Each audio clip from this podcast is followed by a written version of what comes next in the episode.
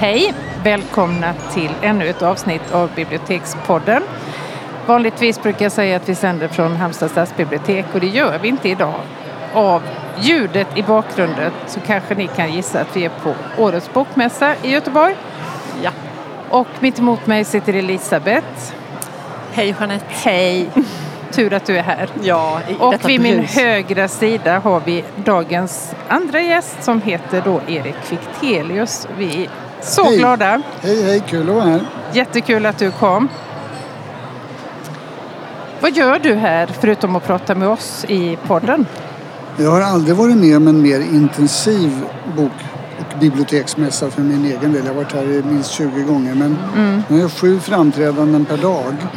Och då är det lätt, Oj. ja, så att, ehm, och mycket är då om biblioteksstrategin men Mm. också om det här med fake news och alternativa fakta och så vidare. Så att det gäller ju att ehm, hålla fokus så inte man börjar säga dumma saker när man blir trött mot slutet. Mm.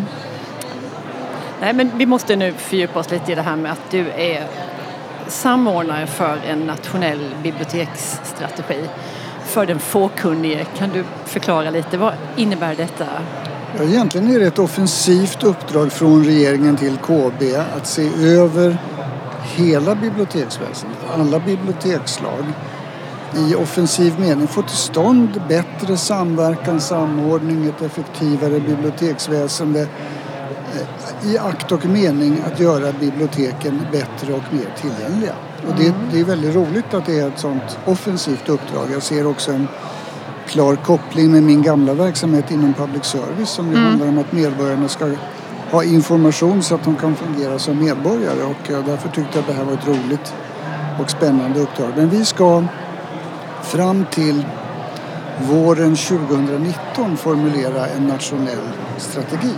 Och på vägen dit så samlar vi på oss väldigt mycket underlag och analyser och omvärldsrapporter och så vidare. Har något sånt här gjorts tidigare? Har det liksom samlats en sådan kraftsamling? Ja, alltså väldigt mycket måste jag säga inom biblioteksvärlden är ju utrett och tröskat och det var ju en utredning för ett antal år sedan.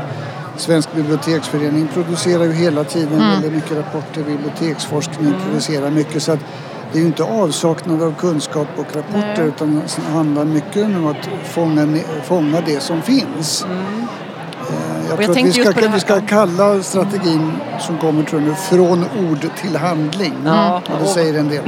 Ja, och jag tänker på just det här offensiva draget som du betonade när du berättade om det. Nu ska det Ja. hända grejer. Ja, alltså vi har ju hamnat i den unika situationen att vi har fått ett väldigt starkt politiskt stöd. Vi kom ju med, för ett år sedan på Bokmässorna kom vi med ett förslag om en digital kompetenssatsning via regionbiblioteken och folkbiblioteken och sen ytterst för medborgarna så att vi kan ta vara på den här servicen som biblioteken redan ger till medborgarna vad det gäller digital kompetens. Men på vägen dit måste ju folkbiblioteken få kompetensutveckling. Och det gick ju rakt igenom med 25 miljoner per år nu då från årsskiftet. Men till det kommer 250 miljoner kronor i reformpengar medan vi fortfarande håller på. Detta är unikt och det är väldigt roligt.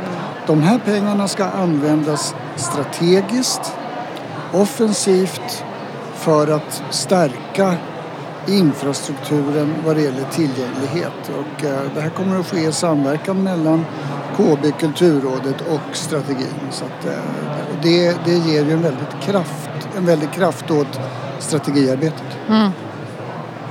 mm, om vi, om vi liksom, du kanske du inte kan svara på den här frågan men jag ställer den i alla fall. Om vi tänker att nu är det sommaren 2019. Hur skulle du vilja eller hur skulle du gissa att, att det här som ni har gjort att det visar sig för oss på golvet, på biblioteksgolvet? Ja, det är alltid den där som, som när, hur blir det här konkret? Ja. Det är ju en sån här Ja. älsklingsfråga för en reporter. Det är alltid lika svårt att säga hur man bryter ner det. Men eh, om vi ska kalla strategin från ord till handling eh, och dessutom göra den väldigt kort eh, så måste man först fråga sig vad är en nationell strategi? Och jag får väl ärligt säga att det hade nog inte jag riktigt klart för mig när jag började. Och det hade nog inte mina uppdragsgivare heller.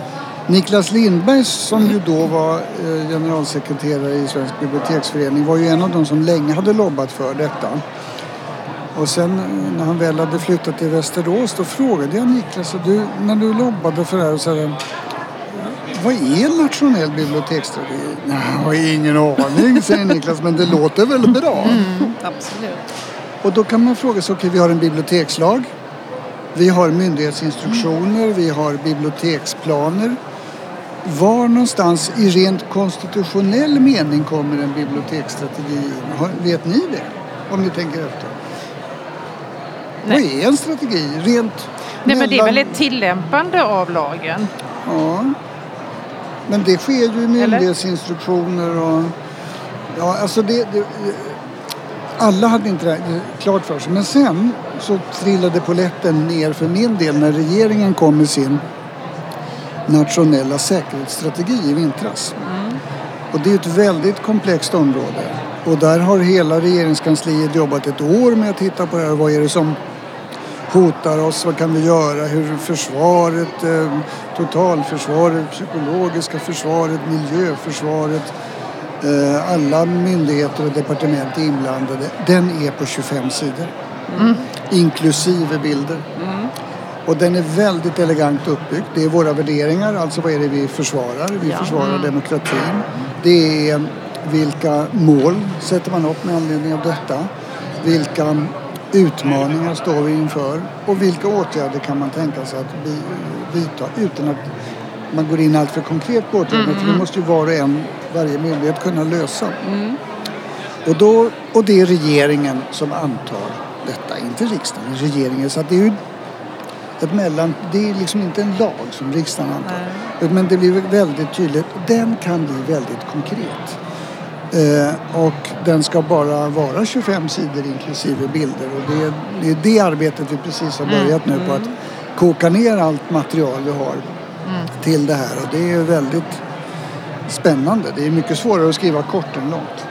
Oh ja. Oh ja, oh ja. Du nämnde det här begreppet fake news som är ju nästan myntades i samband med Trumps eh, presidentinstallation. Ja, inte bara ingen... nästan, det Nej, myntades det, det var så, ja. Kellyanne Conway den 21 januari. Ja. Mm. Eh, och det är någonting som vi har blivit allt för vana vid. Och jag tänker då att sättet att lura medborgarna att tro vissa saker om olika, alltså man har olika bevekelsegrunder för att luras, är så raffinerade och du då med din mångåriga journalistiska bakgrund, är du immun eller kan även du gå i någon av de här fällorna? Har det hänt att du har gjort det? Absolut, och det värsta är väl när man inte ens är medveten om att man har mm. gjort det. Mm. Vi var ju bland de första att använda de här begreppen och redan när vi för ett år sedan argumenterade för digital kompetenslyft så åberopade vi liksom den här högerextrema propagandan. Nu när man går runt på bokmässan då är det ju fake news och alternative facts, facts i vartannat bås. Och som ofta blir i den offentliga debatten i Sverige att vi snabbt överanvänder ja. begreppen. Mm. Så att jag tror att nu är det dags att säga dem tack för kaffet. Det har varit väldigt viktigt att vi använder de här begreppen. Men nu tror jag vi ska gå tillbaka till de grundläggande svenska begreppen. För vad är fake news? Jo, det är ju förfalskade nyheter som man förfalskar för att påverka folk i en viss riktning. Mm. I dagligt tal på svenska så kan vi kalla detta för propaganda. Mm. Eh, vad är alternative facts? Ja, det är lögner. Mm. Det finns inga alternativa fakta. Det finns sanning och det finns lögn. Mm. Och sen finns det väl en och annan halvsanning och en och annan vit lögn. Men, men jag tror att vi från och med nu ska gå tillbaka till att mm. använda de här gamla goda begreppen så att vi inte liksom förminskar det. Nej. Det är propaganda Nej. och det är ja. lögner. Ja. Och en av våra poänger är att biblioteken är en sån institution i samhället som är ovanligt väl anpassad för att bemöta lögner och propaganda. Mm. Stort ansvar på oss. Ja, och det, det, hänger lite ihop med det här. Nu har vi ju hållit till här i vår bibliotekspodds monter och det har surrat runt omkring oss. Men det är ett begrepp som har nått ända hit till oss. Det är det här den femte statsmakten. Och det får du gärna utveckla lite och hur det hänger ihop med oss på biblioteket och vilka är de andra? Jo men just i det här att, och idén är ju inte så konstig utan dagen efter Trumps installation så var ju kvinnomarschen mot Washington. Just det. Och en stor grupp demonstranter var bibliotekarier. Fake news, ask a librarian. Alternative facts, check with the library. Så att biblioteken såg ju sin uppgift i ljuset av de här systematiska lögnerna. För att på biblioteken finns ju de arkivariska samlingarna, de oförfalskade arkiven. Där finns hela spektrat av mänsklighetens samlade kunskap. Och då är ju den amerikanska konstitutionens och den konstitutionella medvetenheten i USA är ju väldigt spännande. Varenda unge i USA kan konstitutionen. Har gått i skolan i USA varje morgon stått med handen på bröstet och, och svurit trohet till fanan. Som ju handlar om konstitutionen. Och du har domstolarna, du har lagstiftaren, du har den verkställande makten och du har den fjärde fria pressen. En neutral, oberoende kraft som ger medborgarna kunskap att fungera som just medborgare, att bilda sig en uppfattning självständigt. Och det bara, kan vi se och förstå att även biblioteken är en sådan kraft Ja. så blir det lättare att förstå att den måste stödjas och stärkas. Och det här eh, var på studieresa i USA i, i våras så det är väldigt påtagligt hur denna konstitutionella självmedvetenhet är så tydlig också på biblioteken. Ja, det- så att ja. Vi har ju en film om det här där vi visar väggmålningarna på Library of Congress. Det är precis det det handlar om. Och de, de målningarna som är lite gammaldags egentligen är ju aktuellare än någonsin. Ja, man känner sig, jag känner mig styrkt och stärkt faktiskt. Absolut. i min Ja, vad kul. Och det är viktigt alltså för att det är ju första steget. Vi spelar roll. Vi har en uppgift som är någonting mer än att låna ut en och annan barnbok. Ja, Utan definitivt. Ja, absolut. Sista fråga. Eh, Du har ju en lång och gedigen av eh, bakgrund inom medievärlden. Eh, 50 år. Ja, det är länge. Ja. Och nu har du då klivit över på något sätt till biblioteksvärlden. Vad är, skulle du säga är den största skillnaden mellan de här två olika? Får jag först säga vad likheterna är? Eller likheterna, Ja, absolut. men, nej, men jag var VD för Utbildningsradion i sex år och då fick jag jobba väldigt mycket med stuprör, upphovsrätt och digitalisering. Och nu när jag sysslar med biblioteken då får jag jobba med stuprör, upphovsrätt och digitalisering. Eh, så att eh, det- är mer alltså likheterna som är intressanta. Eh, skillnaden är ju att eh, media i stort har ju ännu starkare känsla av den här självständiga rollen. Det här är en balansgång. Det är ett offentligt uppdrag. Ni, ni är som bibliotekarier myndighetsutövare. Ni ska leva upp till kravet på opartiskhet och oväld.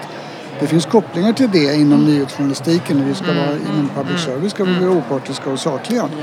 Men, men eh, så de formella kraven på er är nästan ännu större i det avseendet. Och där har ju de här två JO-utlåtandena som kom i somras bidragit till tydligheten. Det tycker Ja. jag är bra. Och det underlättar diskussionen om den femte Absolut. statsmakten. Så att, eh, vi, vi står inför samhällsomvälvningar inom många sektorer. Där just de här tre sakerna, stuprör, upphovsrätt och digitalisering är, är väldigt viktiga klossar att hantera. Nej men då börjar det bli dags att runda av lite. Men innan vi säger tack och hej till dig, Erik Fichtelius, så skulle vi vilja fråga om du har något, det är väldigt många som vi träffar på som har ett biblioteksminne sådär ifrån någon gång i livet när ett, en, ett bibliotek, platsen eller en bibliotekarie på något vis hade en avgörande betydelse eller en, en viktig betydelse i den personens liv. Har du någon sån berättelse som du vill berätta för oss? Ja, den skiljer sig ju inte från så många andra städer. Det här skolbiblioteket som Ja, luktade på ett visst sätt tål med de, röda och gröna bokryggarna. Samtidigt är just de här minnena kanske ett av de största problemen när man ska göra en strategi. Därför att väldigt många vuxna människor är ju då fast i de här lite nostalgiska Exakt. minnena Ja. av boksamlingen. Ja, Men när, vi måste se biblioteken mycket mer som en verksamhet och där medierna är mycket mer än några böcker. Då, då kan det här bli ett hinder. Det är ju Ja. därför vi har gjort åtta stycken små kortfilmer som beskriver hur ett, att ett bibliotek är så mycket mer. För att levandegöra berättelsen om biblioteken. Så att eh, i den meningen blir de här minnena ett, ett hinder. Men jag var väldigt jag var ju ett storläsande barn. Jag tror jag började läsa Strindberg när jag var tio. Jag förstod väl inte så mycket men jag läste i alla fall. Men, Ja. men eh, och, och nu kommer jag från ett hem med mycket böcker så att eh, mycket böcker hade vi ju hemma också. Så bi- biblioteken var inte så där avgörande som det blivit för många andra. Eh, Sen är det, det, det viktiga nu när vi just försöker ge bilden av biblioteken det är liksom att Ja, det är mer än en boksamling, det är en verksamhet. Och när vi nu ska titta på hur vi ska förhand, för, förvalta de här reformmedlen då är det viktigt att säga att det ska just vara riktade strategiska insatser som bygger på de överväganden och det underlag som vi redan har. Det ska inte smetas ut i någon allmän fördelningsnyckel utan det här ska verkligen vara strategiska pengar som leder till förändring som ger bättre effektivitet och framförallt bättre tillgång till bibliotekens samlade resurser. Och då är det upphovsrätter och digitalisering och stuprör som vi ska hantera. Nu hörde vi applåder i bakgrunden Ja, och de Ja, var tack. kanske Tack. inte riktade till Ja, oss de hade men ni. ändå. De låg på, nej, känner de låg på datorn här. Ni har klistrat in dem alltså. Ja. Tusen tack för att du tog dig tid att Tack så prata mycket. med oss i Bibliotekspodden. Ja, Tack och hej. tack så och mycket. hej.